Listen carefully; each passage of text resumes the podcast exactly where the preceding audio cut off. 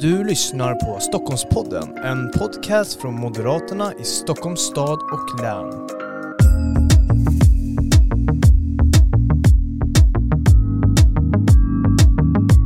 Ja, varmt välkomna till ännu ett avsnitt av Stockholmspodden, Moderaterna i Stockholms stad och läns podcast. Det här är ju nu det 27 avsnittet om jag inte minns fel, så att det går ju undan här och jag hoppas att ni som lyssnar eh, tycker om det vi, vi pratar om. Det är ju en hel del olika politiska frågor med olika företrädare och olika andra aktörer från från näringslivet och andra organisationer. Men idag har vi med två företrädare och vi ska prata om hederskultur, hedersvåld, kusingifte och djupa lite i, i sådana här svåra eh, frågor. Och så får vi se vad, vad diskussionen landar någonstans. Jag tror det kommer bli mycket intressant. Men för att göra det här så har vi med oss Ida Drugge, riksdagsledamot. Varmt välkommen. Tack. Tack. Och så har vi med oss Hanif Bali, riksdagsledamot. Varmt välkommen till dig också. Tack så mycket. Och jag tänkte först bara innan vi sätter igång och börjar prata om frågorna, vi kanske ska kolla hur läget är med varandra. Så Hanif, hur är läget med dig? Är det sån här, vad heter de, folkhögskoletimme? Känner ni till det?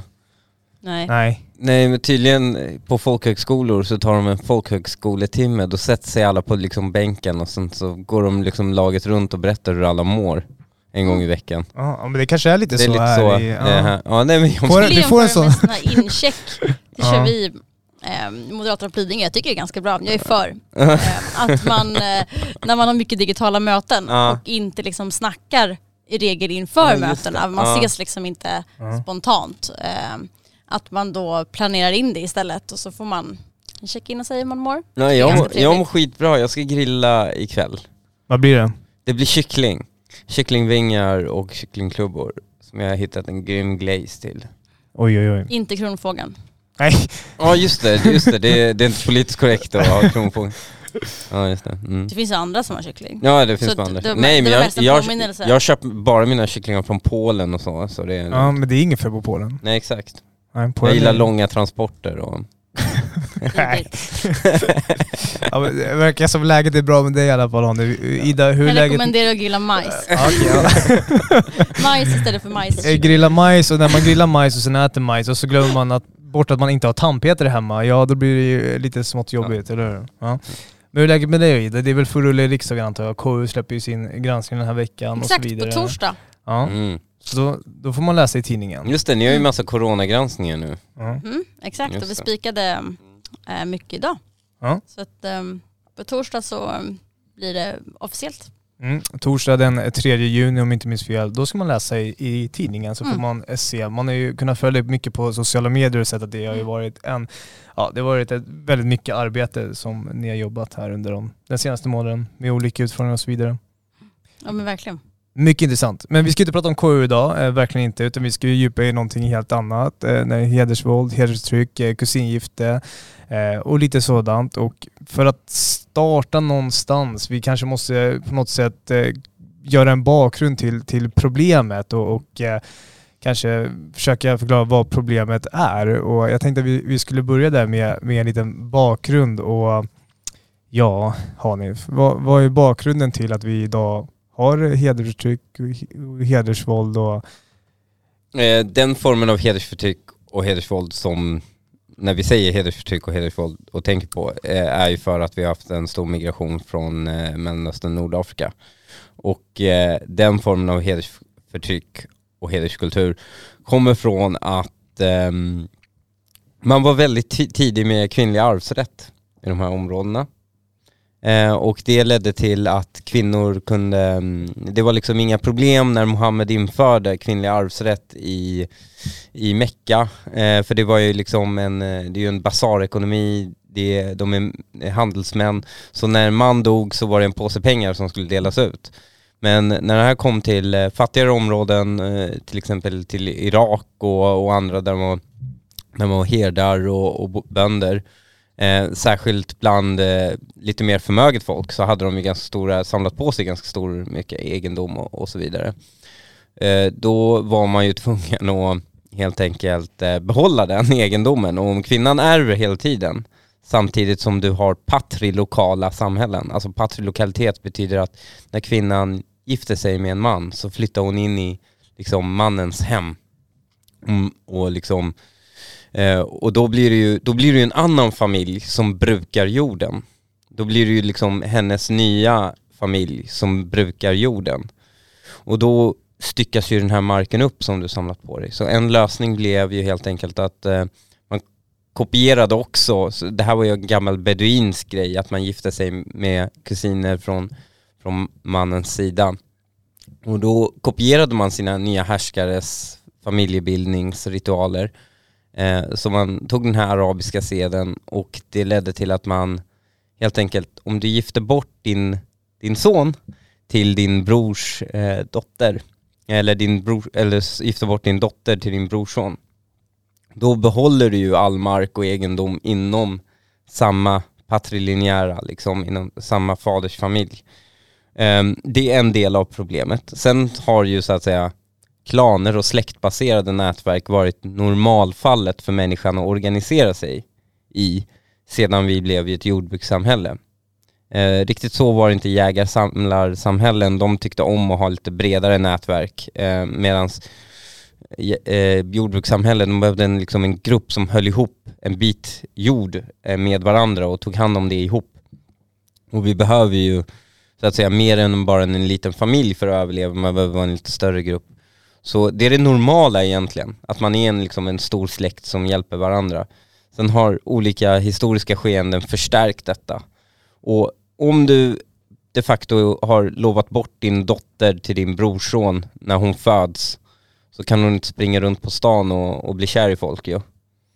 Eh, och bli gravid med andra män och sånt.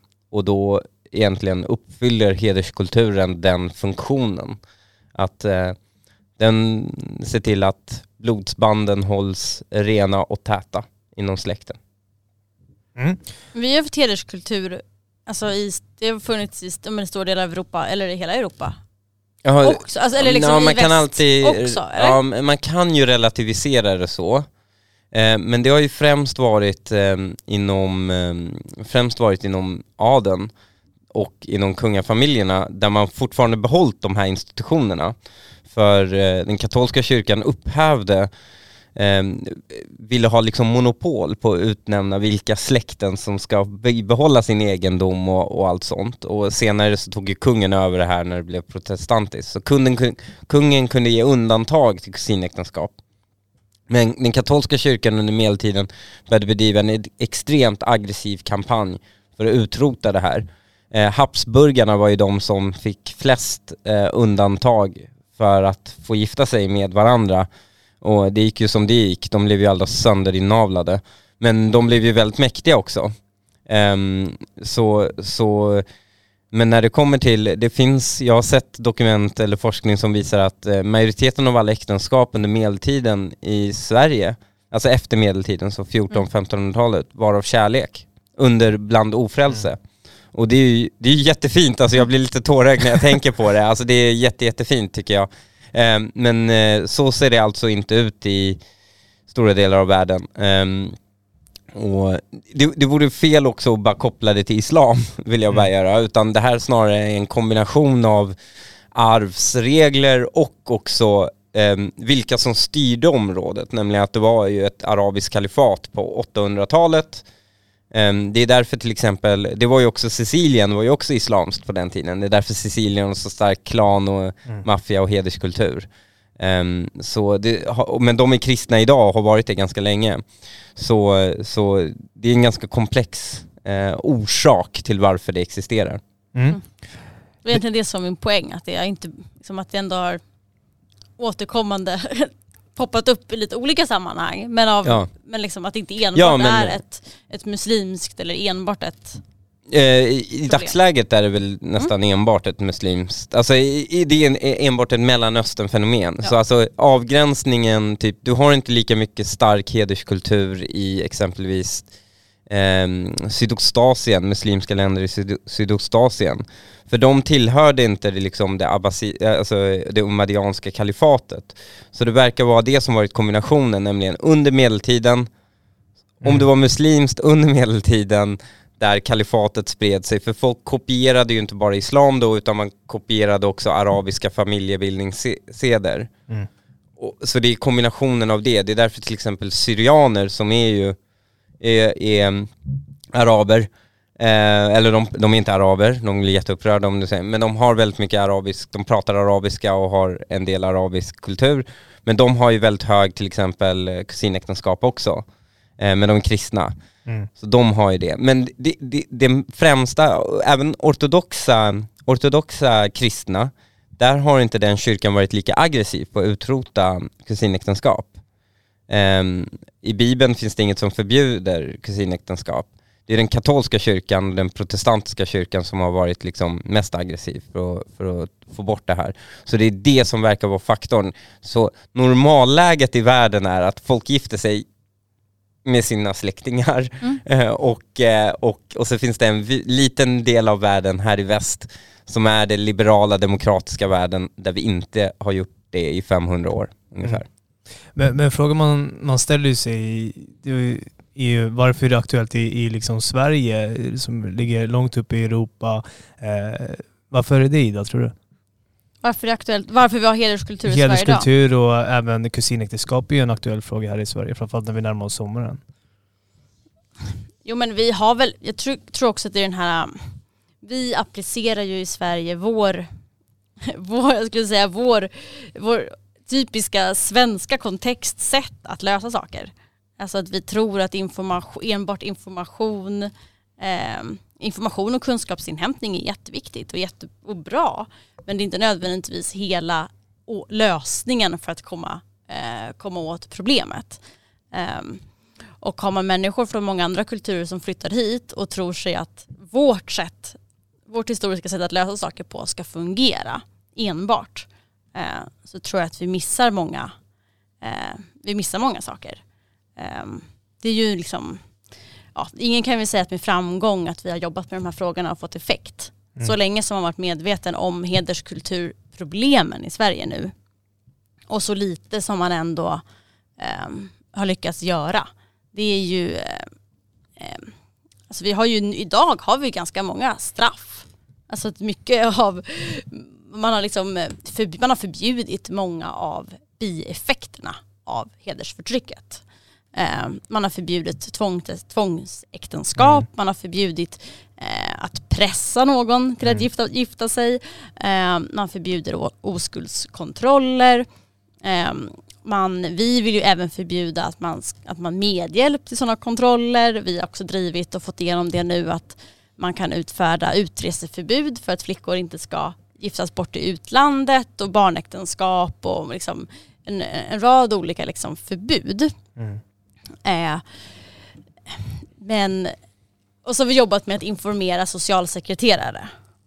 Eh, så, för att hitta och se. Och så tror vi att bara om man hittar och ser, om man lär sig det, då kommer vi undan med problemet. Mm. Som att bara att man säger att så här, hallå, hej, du är utsatt för hedersförtryck och du gör det, nu slutar ni.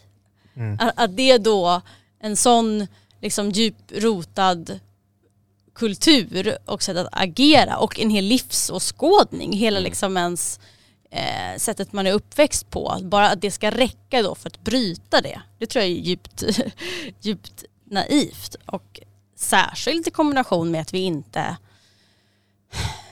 vi följer inte upp de här brotten. Mm.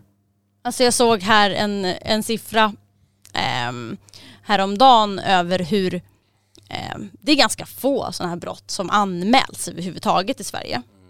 Men det har ändå legat runt, det är legat runt 15 till 20 eh, anmälningar om eh, tvångsgifte per år de senaste åren. Eh, men inga, inga leder till åtal. Mm. Varför är så, så få? Och då har man ändå fått in en anmälan. Då har man identifierat det. Det är straffbart. Det är straffbelagt. Men, men det finns inga fällande domar, det finns inga liksom, det finns inga tydliga, de senaste åren finns det inga förundersökningar heller som har gått vidare. Alltså, det, det, man, man agerar i väldigt liten utsträckning. Mm.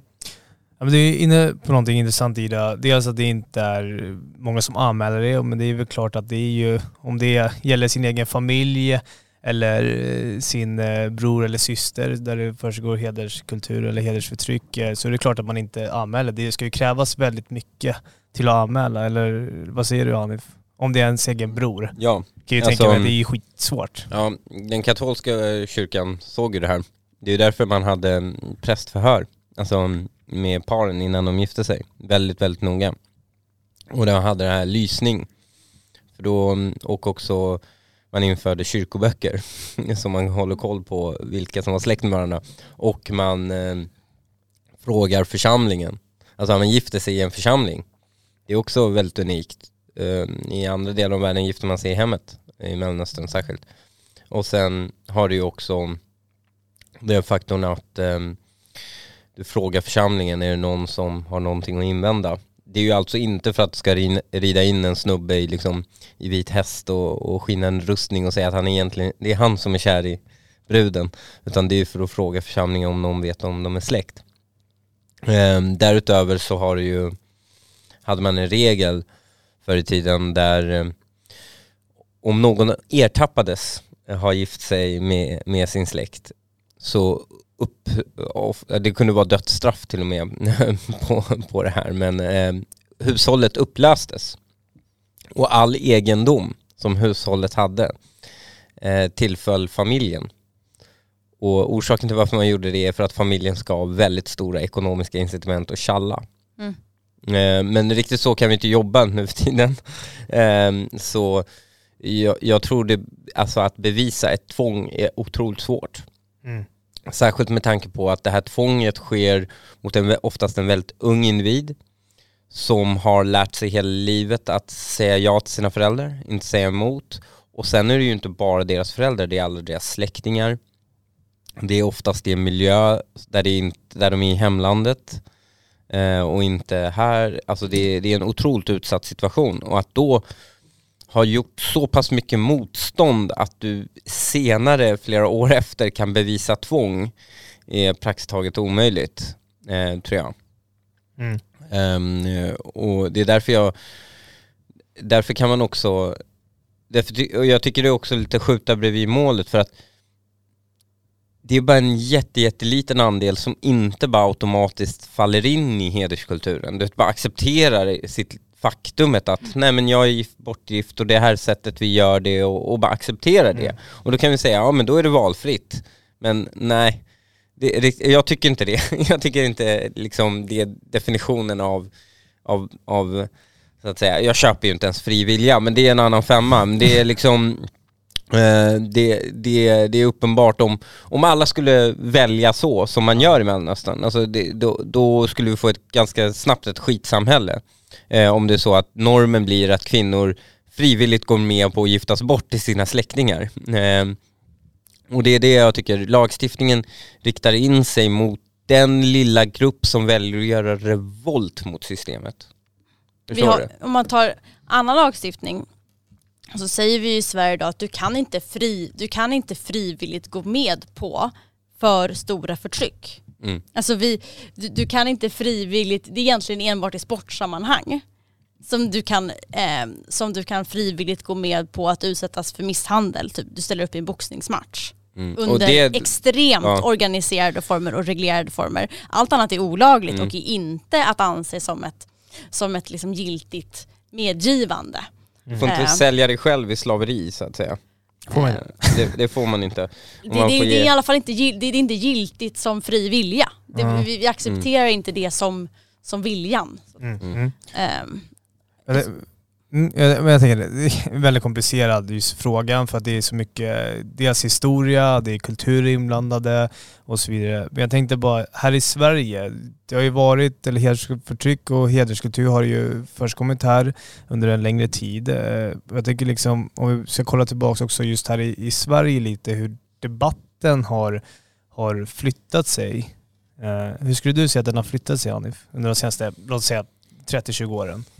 Ehm, den har gått från att förneka att det ens förekommer, smutskasta de som påtalar att det förekommer, de som påtalar att det är ett särskilt problem bland invandrade populationer har blivit smutskastade, till att exakt samma människor som har smutskastat har liksom vänt sig om och leder galor nu till, till eh, de, de, de så att säga smutskastades minne. Eh, de facto, alltså vi kan ju ta Alexandra Pascalidou, ett väldigt bra exempel. Hon smutskastade Pela och Fadime, alltså eh, hon smutskastade Fadime, hon smutskastade alla de som senare tog upp eh, det liksom, ja men Fadimes minne och, och, eh, och kämpade mot hederskultur och nu själv leder liksom en gala till hennes eh, minne. Det visar ju på hur, hur, debatten har skiftat. Men jag tycker också vad som har skett är att okej, okay, nu köper alla att det här existerar. Men tyvärr, där tar det liksom stopp för att sen vet, sen kan inte folk så himla mycket mer än att, okej okay, men nu finns det, men vad gör vi åt det? Och där tar det tyvärr stopp. Och många av de som har kämpat i den här frågan i 20-30 år är ganska ärrade av att, och ganska vana vid att ta konflikten mot oftast pursvenska kvinnor i, från medelklassbakgrund med vänsterlutning som relativiserar bort det här. Och det är ungefär där debatten har fastnat. Eh, och debatten blossar nästan bara upp om, om någon från vänster förnekar att det finns och sen kommer några som säger att det här finns visst det. Och många av de här som har kämpat i den här frågan har en bakgrund inom oftast offentlig sektor inom kommunen, inom socialtjänst och skola och alla liksom åtgärder tenderar att cirkulera kring det, typ ja men vi ska öka samverkan mellan skola och socialtjänst. Liksom. Jag har aldrig hört talas om något samhällsproblem någonstans i hela världen som har lösts av ökad samverkan mellan skola och socialtjänst. Det är säkert jättebra att ha det. Men jag bara säger att det är inte så man så att säga, åtgärdar stora strukturella systematiska orättvisor i världen. Nej, men jag tycker också att man det lägger också ganska mycket ansvar, eller väldigt mycket ansvar på enskilda socialsekreterare, lärare att kunna göra en bedömning av mm. vilka åtgärder, jag skulle vilja hävda att det finns ett stort behov av att eh, lite tydligare reg regelverk mm. för, okej okay, när man identifierar att faktiskt olika typer av brott begås mot de här, eh, oftast tjejerna, även killar, men, men eh, att barn ut, utsätts för förtryck. Att mm. man då eh, agerar på de misstankarna om brott som mm. det. Som att det är brott. inte som att det är någonting man kan, man kan samverka fram en lösning på. Mm. Alltså att, så där behöver det ju delges, eh, där behöver man dela information och man behöver hantera det som, som de brott som, eh, som det är. Jag tycker exempelvis det finns mm. eh, Många av de här sakerna också till, har varit tillfälliga projekt. Alltså ja. vi, vet inte, vi skulle säkert Sverige kunna vinna liksom medalj i, i hur duktiga vi är på att ha, ha tillfälliga projekt till höger och vänster om olika saker. Um, och best case så har de ju resultat när de existerar. Uh, mm. Men forskningen visar att när de sen avslutas så försvinner effekten. För att de har mm. varit just tillfälliga och inte gett en permanent liksom, struktur.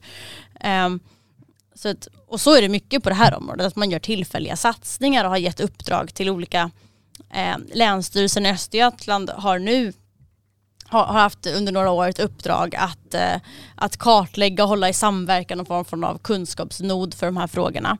Eh, men har hela tiden under de här åren jobbat med det som, ett, som att de inte har vetat ifall det här kommer vara ett permanent uppdrag. Så, eh, så du skulle inte så, säga att samhället gör tillräckligt?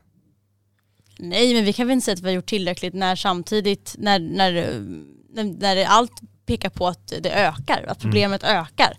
Eh, vi hämtar inte ens hem de här tjejerna som, mm. alltså gott nog att vi nu har infört en möjlighet att, att um, ha förbud mot utlandsresor vid misstanke om, uh, om barnäktenskap och, um, och tvångsgifte.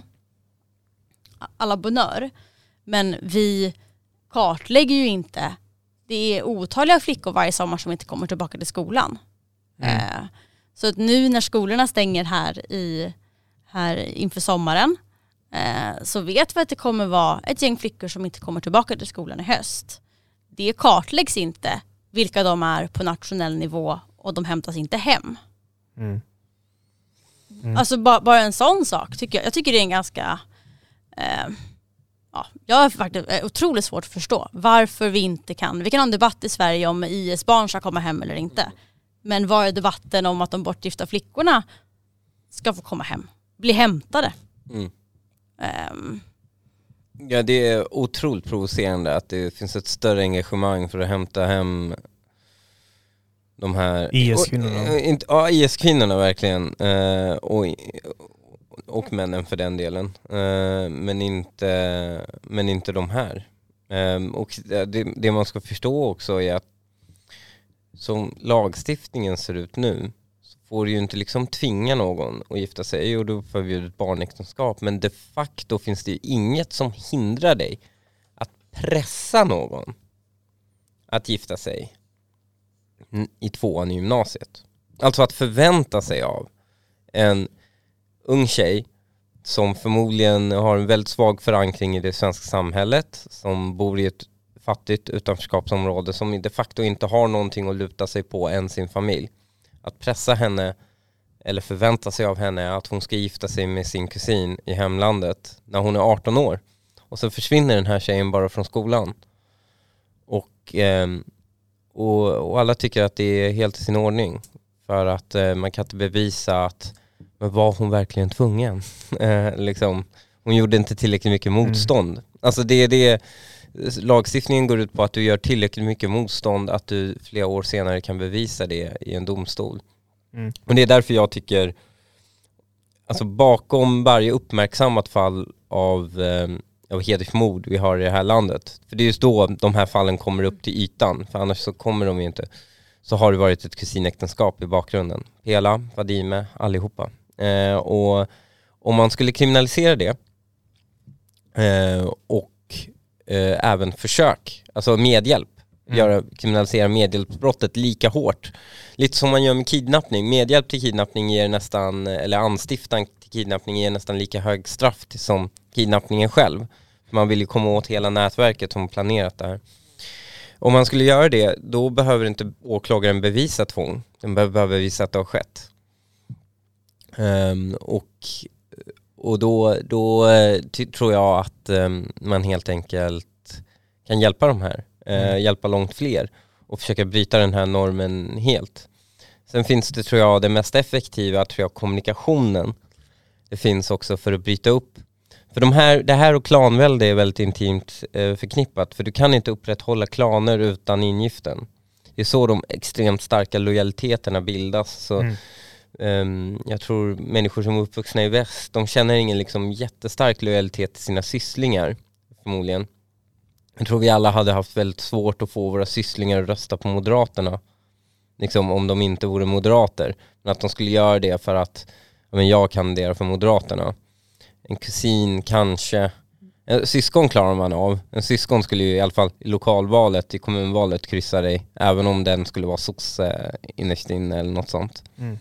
Men det är svårare att göra det med en kusin, det är svårare, ännu svårare att göra det med en syssling.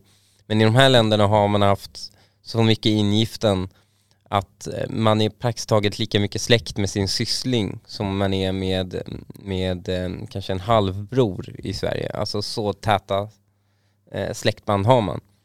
Och eh, klanväldet bygger på det. Det är så maffian i Italien opererar. Man har Mm. Precis som, det är väldigt unikt. Det är det enda faktiskt, en Dragheta som är eh, maffian som kontrollerar kokainhandeln i, jag tror det är 90% av kokainhandeln i Europa. De, eh, de, har, de är det enda folkslaget som har parallella patriarkala kusinäktenskap, nämligen det man har i eh, Mellanöstern. Det är mm. det enda som har det utanför Mellanöstern. Och de har otroligt stark hederskultur och, och så vidare. Så det enda sättet att få bort det här tror jag är att angripa kulturen i helhet eh, och försöka utrota dem. Du tar bort först de, de liksom materiella orsakerna till, till varför den här kulturen finns. Sen kan du börja påverka människors normer och attityder efter det. Men om du inte tar bort den underliggande faktorn till varför de här normerna upprätthålls, då kommer de fortfarande leva vidare. Mm. Um, och det är därför en kriminalisering vore rätt väg, men också en, en bra eh, argumentationsmodell är ju de medicinska nackdelarna som finns med kusinäktenskap. Och eh, så de facto leder hederskultur också till att barnen blir sjukare. Alltså du har mm. långt fler barn med psykosociala hinder och handikapp. Men också att det här är ju skamkulturer också. Och benägenheten att få vård och hjälp är ju mycket, mycket lägre då om du har några former av mm. handikapp och hinder. Ehm, det vet vi till exempel i våra förorter. Många av dem med kriminell bakgrund har olika former av diagnoser, eller har inte diagnoser, de har olika former av psykosociala handikapp. Ehm, Eh, eller så, som, de kanske har diagnoser men inte på pappret. De har inte mm. det på pappret, de har ADHD, många ADHD. En större liksom... Exakt, eh, och det märker man i intervjuer själv med, de säger bara ja men vi är alla ADHD-barn men vi röker hash istället. Mm. Um, för att deras föräldrar vägde skriva på utredningspapperna. Alltså du har en underdiagnostisering i förorterna med 50% trots att all data pekar på att det borde vara en högre andel som har det. Mm. Och det här påverkar ju såklart skolresultat, det påverkar, om du har en hög risk för missbruk, kriminalitet och så vidare. Eh, och, och sen fortsätter just de här släktäktenskapen ökar ju sannolikheten för det för att det är ju en, eh, alltså att det är en recessiv, eh, man misstänker att en del av sjukdomen är ärftlig, en del av, eh, en delfaktor är ärftlighet och den all form av ärftliga sjukdomar sticker iväg, eh, risken som det är, mm. särskilt recessiva, sticker iväg som fan när du har ingiften. Mm. Men jag tänker, borde inte alla partier i riksdagen vara eniga om att det här är oacceptabelt men, och göra någonting åt det? Kanske en kriminalisering som, som du pratar om Hanif. Eh, eller är det så att det finns eh, massa skillnader mellan till exempel Vänsterpartiet och, och Moderaterna i frågan? Vad, vad, tror ni? Jag, jag, tror det är svårt att veta förrän kunskapsläget blir lite högre bland svenska politiker och det börjar utkast, utkristallisera sig lite starkare åsikter. Jag såg att Liberalerna hade, jag, jag hade tjatat på deras partisekreterare om den här frågan och hon var ju tidigare samordnare i just eh, hedersfrågor eh, i Länsstyrelsen i Östergötland. Eh, men eh, jag hade ju tjatat på dem med den här frågan och de var faktiskt lite snabba på att ta till sig det här. Så de mm. har ju faktiskt en arbetsgrupp som har föreslagit kriminalisering av så, det, så jag tror Liberalerna får... De har väl till och med gått ut med att de vill utreda frågan? Ja, de vill utreda Eller som ja, hela partiet uppfattar ja, det som... Ja. Deras arbe- de hade en arbetsgrupp som föreslog det, att de vill utreda kriminalisering av eh, det. I Norge har man börjat med det också. Där är det främst, man har väldigt hög kusinäktenskap bland pakistanier. Och eh, i Norge har, eh, är det faktiskt unga, från Höjre, unga, höj, uh, unga pakistanier i Höjre eh, drivit fram frågan att kriminalisera eh, kusinäktenskap för att komma åt hederskultur. Um, så det rör sig i frågan, men ännu är kunskapsläget otroligt, otroligt lågt. Så vi vet inte ännu. Jag försöker få Moderaterna och det bådar väldigt gott eh, faktiskt. Eh, man är lite oroliga för att det är lite okänd territorium. Jag, tror, mm. jag förstår, det handlar om familjebildning, det är en otroligt känslig fråga men det är vissa normer som vi tar för givet som har liksom mejslats fram i hundratals år här har inte andra och då måste man liksom våga lyfta på det locket. Ja, det är också vi och det tycker jag, jag tycker man kan hålla de tankarna i huvudet samtidigt. Vi kan både vara, eh, vara stolta över att det är vi som har drivit den här eh, dels infört de här, att det är förbjudet. Det är ju förbjudet med tvångsäktenskap och även har ni fått pressa folk till att gifta sig. Mm. Men och det är vi som har drivit de kriminaliseringarna eh, drivit igenom dem och fått regeringen tvingat dem att införa dem med olika tillkännagivanden och mm. med utreseförbud och sådär. Eh, men samtidigt som vi har gjort det, så måste vi, och det är bra, så måste vi komma ihåg att det är ytterst svårt att bevisa. Bevisläget är fortfarande väldigt svårt. Och då behöver man hitta andra sätt att identifiera de här problemen. Mm. Och kusinäktenskap är ett sånt bra exempel, ett sånt bra sätt. Både för att det är mycket troligt att det skulle eh, förebygga ytterligare förtryck men också för att det är en stark indikator på att det förekommer hederskultur mm. eh, eh, och förtryck i de facto det enskilda fallet. Så det har ju både de, eh, båda de eh, effekterna Eh, sen finns det ju ytterligare sådana här medhjälpsbrott som man skulle kunna införa. Mm. Eh, oskuldskontroller exempelvis. Mm. Eh, så. Mm. Politiken kan göra mycket. Eh, det hör man ju här när vi sitter och pratar om vissa eh, åtgärder och vad man kan lagstifta och så vidare. Men skulle ni säga att politiken kan göra allting eller, eller måste samhället vara med på tåget också? När vi ändå pratar om Vi pratade i början en hel del om kulturer och historia och så vidare. Kan politik göra allt eller måste samhället också hänga på tåget? Vad tror du Hanif? Ja, men så här, politik är nedströms från kultur. Så, och det är otroligt svårt för politik att påverka kultur snabbt. Alltså att förändra människors normer.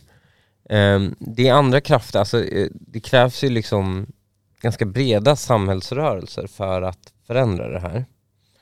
Och jag är ganska osäker på om, eh, om det är enbart poli politiken som kan göra det faktiskt. Eh, jag börjar bli mer och mer, min, mer, och mer pessimistisk i om vi klarar av det. Jag menar, normer har ju förändrats väldigt starkt i Sverige tidigare, alltså när det till barnaga förändrades det väldigt snabbt. Men det var ju inte politiken som drev det.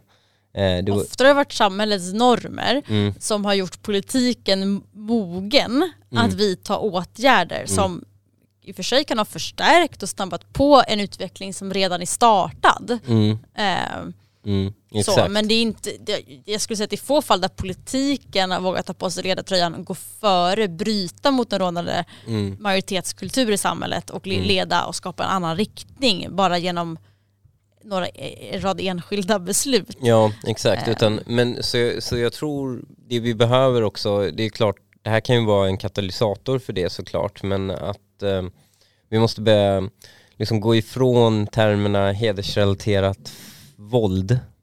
För det är våldet, det är väldigt sällan våld behövs för att upprätthålla det här. Det är bara i extremfallen, de som väljer att göra revolt som du måste använda våld mot. Um, utan, utan titta på hederskultur, använda ordet hederskultur, klankultur mm. som ett bredare koncept. Och då tror jag man kommer, jag tror, då kommer folk förstå att det är mer som behövs. För att förändra en kultur kräver ju inte bara, alltså komma åt våld, det kräver ju att polisen och, och så att ordningsmakten tar sitt ansvar, men att komma, komma åt en kultur, eh, det faller ju också på individerna själva att förändra sig. Eh, och på flera aktörer att vara delaktiga i den förändringen.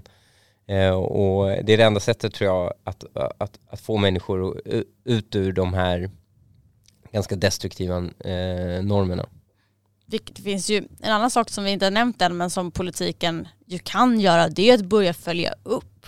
Mm. Alltså eh, man gjorde 2017 tror jag det var så gjorde man en kartläggning, eh, en nationell kartläggning över hur utbrett eh, hedersförtrycket är i Sverige.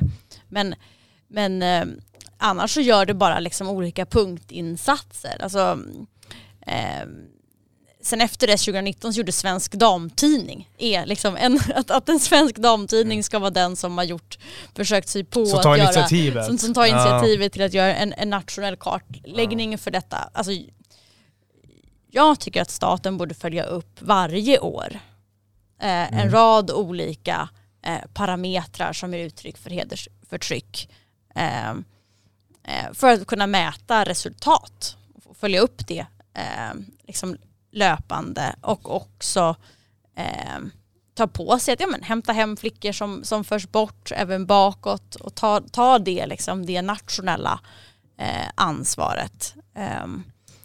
Men sen har vi även, om man frågar, om man har gjort undersökningar bland vård och omsorgspersonal, hur, där man har ställt frågan så här, hur skulle du eh, skulle du vara villig att utföra eh, en oskuldskontroll eller ge ett intyg om att du har gjort att en person är oskuld eh, för att hjälpa en flicka i, i nöd och som du annars tror eh, liksom blir utsatt för, eh, för våld och förtryck eh, för att hjälpa henne. Eh, och då svarar en övervägande majoritet ja på det. Är det inte rimligt, och, eller?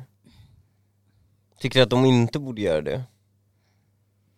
Alltså jag tänker att Alltså, för jag reagerade lite på mm. de här eh, oskuldskontrollerna för att jag tycker, jag tycker det är så himla svårt för å ena sidan kan man ju anklaga dem för att upprätthålla de här strukturerna och normerna.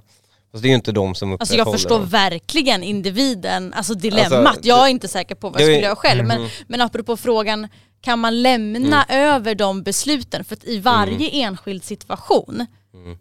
jag tror att jag skulle göra det.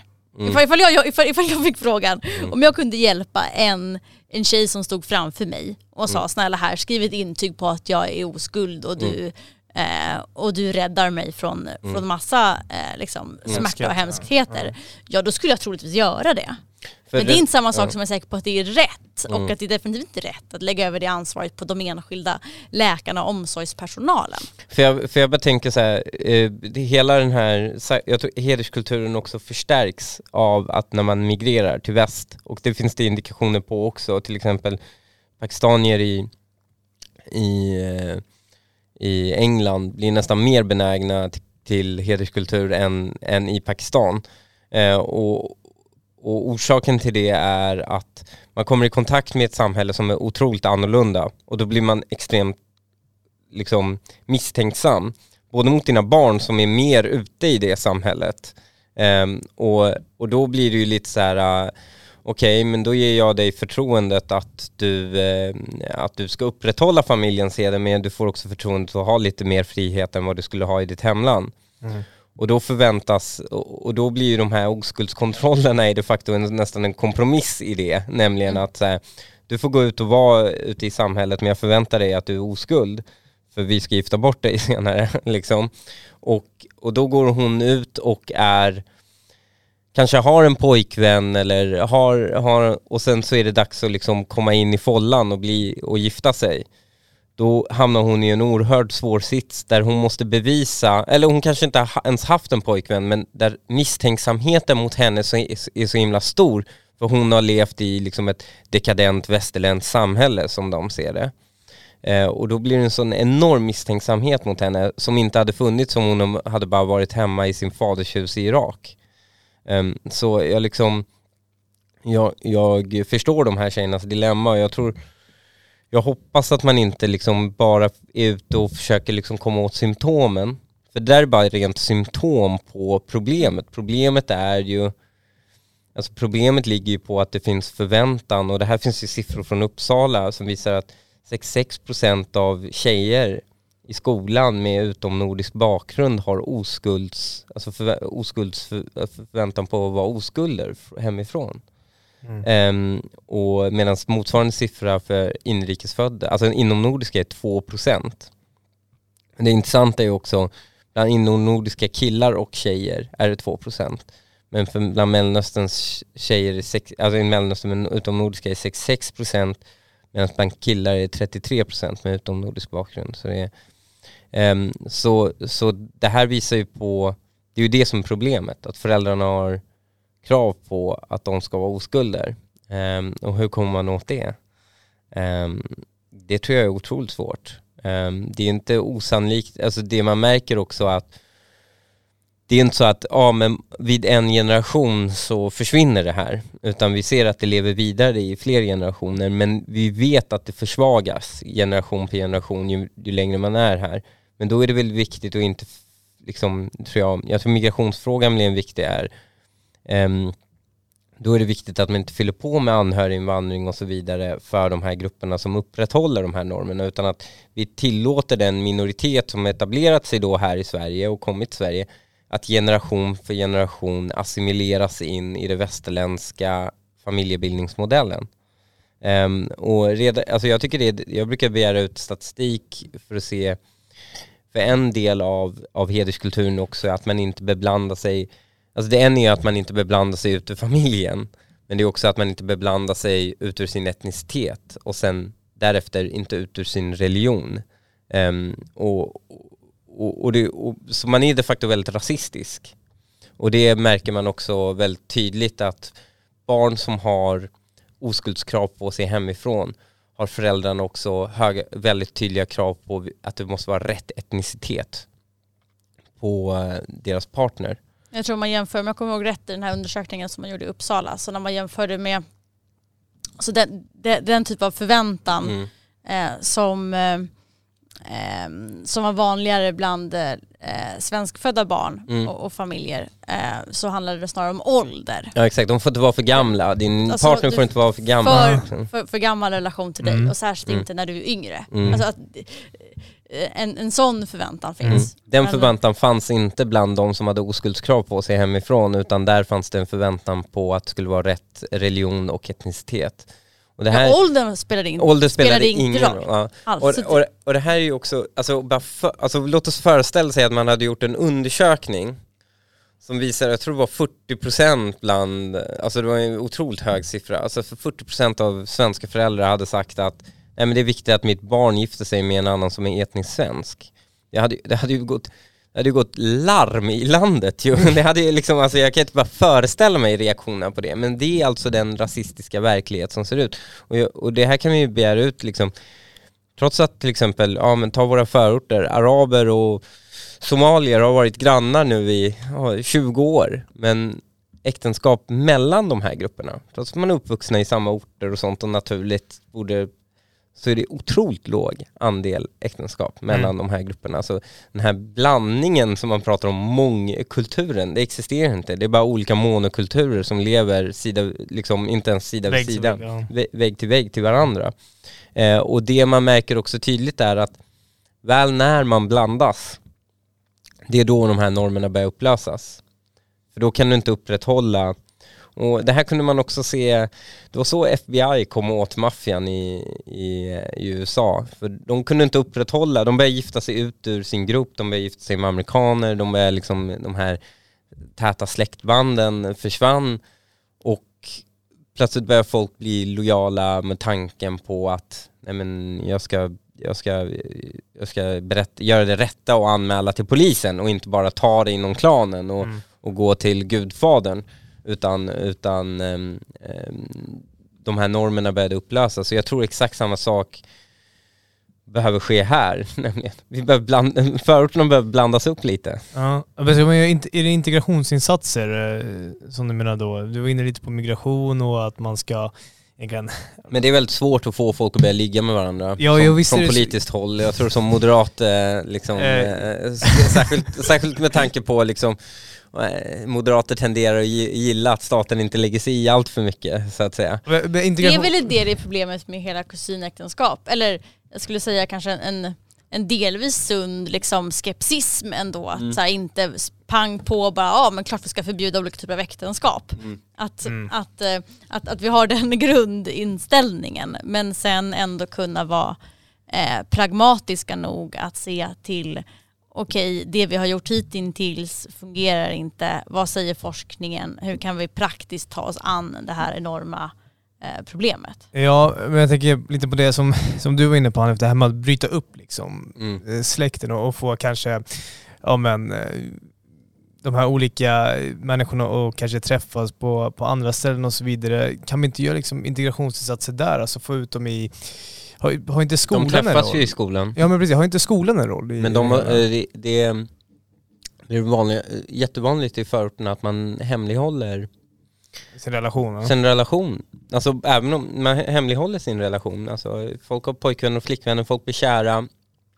Men, eh, men de blir tvungna att hålla det hemligt för sina föräldrar. Och eh, upptäcks de så blir det hedersförtryck. alltså det blir, heders, alltså, då blir det ju, ja, mer de blir hotade eller till och med bortgifta. Om de blir upptäckta så kan föräldrarna få panik och, och gifta bort dem. Liksom.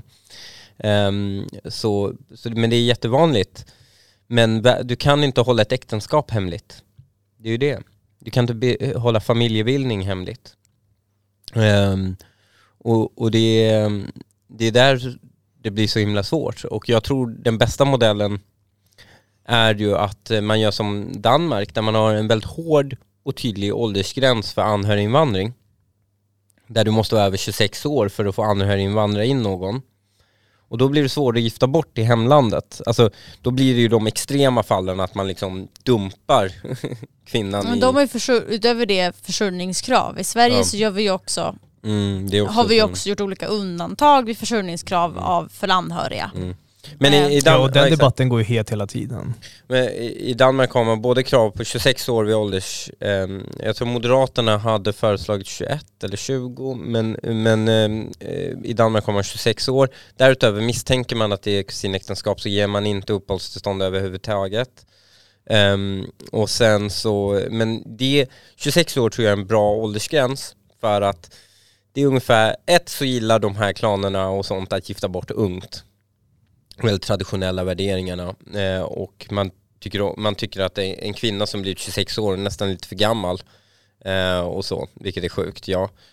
Men ehm, eh, en annan sak som är viktig är att 26 år, då hinner du faktiskt eh, skaffa ett jobb, en utbildning, stå på dina egna ben, skaffa dig ett annat kontext än bara din, eh, din familj liksom. Eh, och kanske hinna bli kär i någon. Vem fan hittade sin permanenta partner när man var 18 år liksom?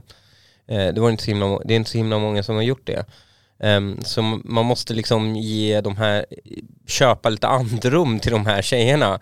Eh, och därför tror jag att, att höja den åldersgränsen vore väldigt bra. Eh, och, och så att det, är självklart en, en stor skillnad att även om man blir gift på pappret, det kan man ju fortfarande bli som 18-åring, kan man ju gift på pappret med någon från sin hemland. Men om den inte får komma hit och bilda familj med dig, så har du ju en större frihet att kunna skilja dig eller gå vidare eller bli självständig på ett annat sätt. Mm.